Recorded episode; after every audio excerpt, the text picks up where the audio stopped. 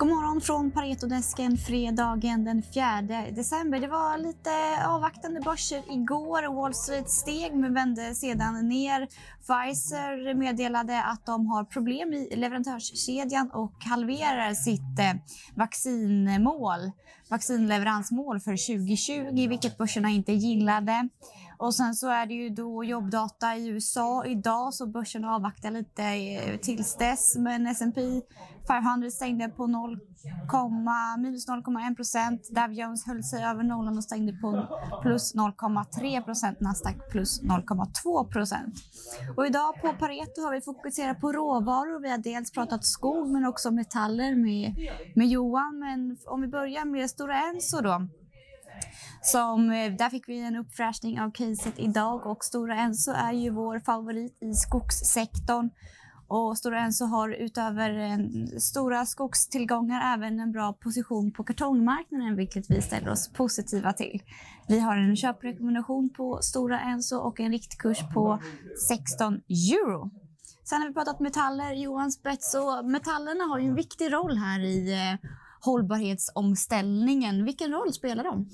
Ja, metaller och mineraler har en fundamental roll i allt, allt vi gör, mm. eh, liksom energi har. Men särskilt om vi vill ställa om eh, i våra, hur, hur vi, hur vi eh, har, bygger upp vår ekonomi och framförallt vår energiförsörjning så är metaller väldigt viktiga.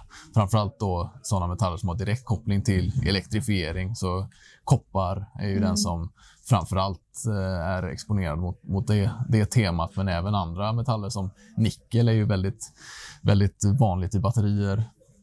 Eh, kobolt och litium likaså. Så mm. vi har ju ett antal eh, av metallerna som, som har brutits eh, länge, men mm. som man nu ser är, är helt nödvändiga för den här energiomställningen då, från fossila bränslen till eh, grön el då, som, som måste distribueras och lagras med hjälp av metaller. Mm. Finns det tillräckligt mycket metaller? då?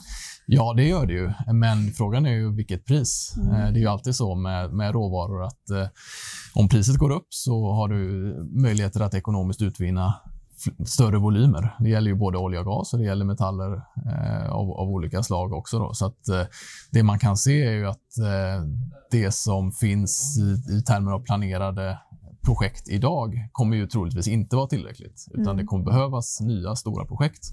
Och Sen blir frågan då, okay, på vilket pris eh, är de här projekten eh, ekonomiskt försvarbara att, att eh, bygga ut? Då? Och mm. Eh, där är det ju mycket som tyder på, tycker vi, att priserna på många viktiga metaller måste upp för att tillgodose den efterfrågan som finns på, på några års sikt. Inte minst då från elbilar och batterier och, och den typen av elektrifieringsbitar. Eh, Eh, då. Så du tycker metallpriserna är låga just nu? Eh, ja, mm. jag tror att eh, strukturellt sett så behöver ju kopparpriset exempelvis eh, öka över tid. Sen är det ju såklart en, en cyklisk ekonomisk komponent där också som man får vara, vara, vara med på. Men mm. strukturellt så är ju trenderna väldigt tydliga till fördel för koppar och en del av de här andra elmetallerna, om man får kalla det så, batterimetallerna. Mm, och vilka av våra svenska aktier, aktiebolag gynnas av eh, ett uppsving i kopparpriset?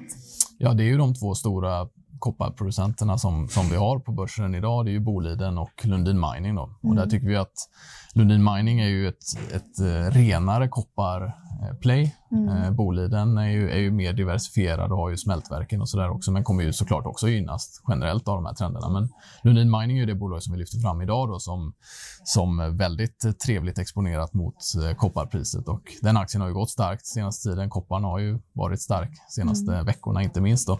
Så att eh, vi i, idag då så, så höjde vi upp våra prisantaganden för just koppar och en rad andra basmetaller. Då mm. och skruvade upp riktkursen för Lundin Mining specifikt då till 70 kronor från 60 tidigare. Mm. Så vi ser ju att, eh, att eh, det är ju, ja, hela gruvsektorn är ju inne i en positiv trend här i år. Det började med guldpriset som var starkt, men nu har det blivit allt mer att det är de här industrimetallerna, basmetallerna som går väldigt mm. starkt. Mm.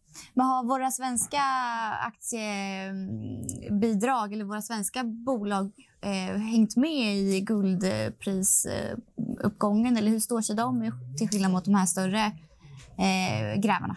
Ja, de som är eh, tydliga guldbolag har ju gått starkt med Mm. guldpris såklart. Som Lundin Gold är väl det, det stora renodlade guldbolaget på, på svenska börsen. Eh, men även Boliden och Lundin Mining har ju en hel del guld då som biprodukter. Ofta Mm. får man ju guld när man bryter kopparmalm då, till exempel. Så att de har ju gynnats där också. Men, eh, men eh, senaste tiden så är det ju framförallt kopparn som har drivit på både Boliden och Lundin Mining. Mm. Så Lundin Mining är ett eh, av våra favoritcase då? Ja, vi gillar ju den. Mm. Eh, både på standalone basis, eh, vad bolaget, bolaget gör, bolagets egen position, men också då kopparprisexponeringen gillar vi. Mm. Spännande. Tack så mycket Johan. Tack. Tack så mycket för att ni har lyssnat. Vi är tillbaka igen på måndag.